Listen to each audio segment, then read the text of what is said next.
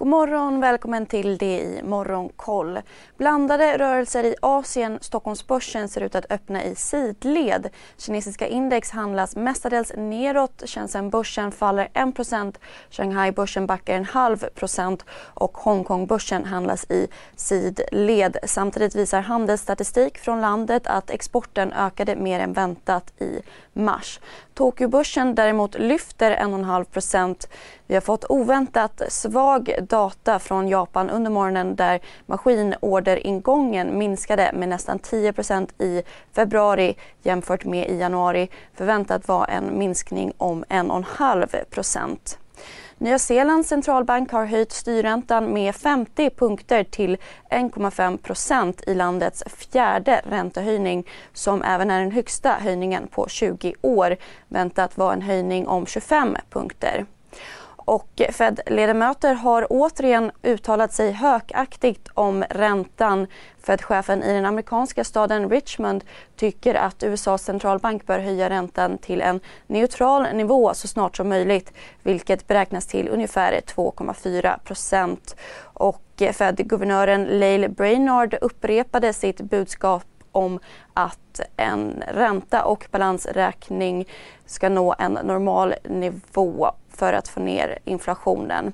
I USA stängde börserna neråt efter ett inflationsutfall som kom in i princip i linje med förväntan igår. S&P 500 och Nasdaq backade runt 0,3 procent. Teslas VD Elon Musk har anmälts och anklagas för att han inte rapporterat in sitt köp i Twitter. CSRD, ännu en förkortning som väcker känslor hos företagare. Men lugn, våra rådgivare här på PWC har koll på det som din verksamhet berörs av. Från hållbarhetslösningar och nya regelverk till affärsutveckling och ansvarsfulla AI-strategier. Välkommen till PWC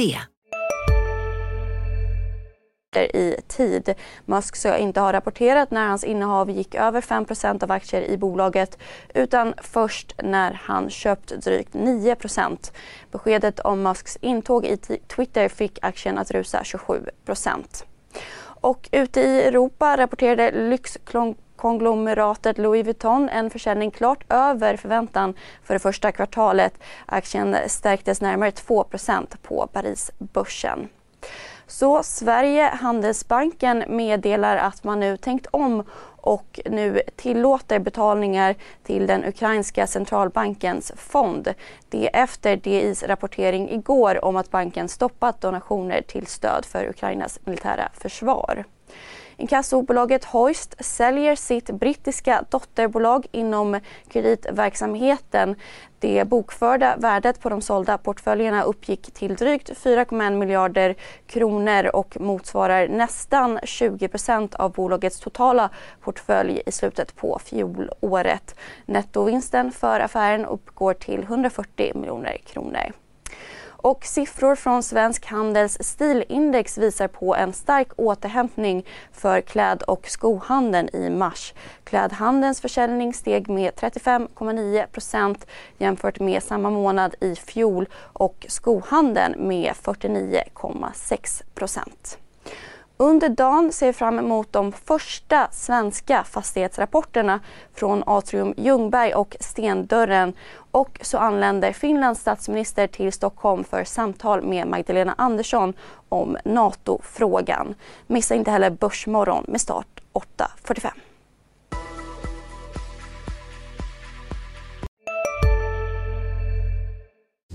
Hej, Synoptik här.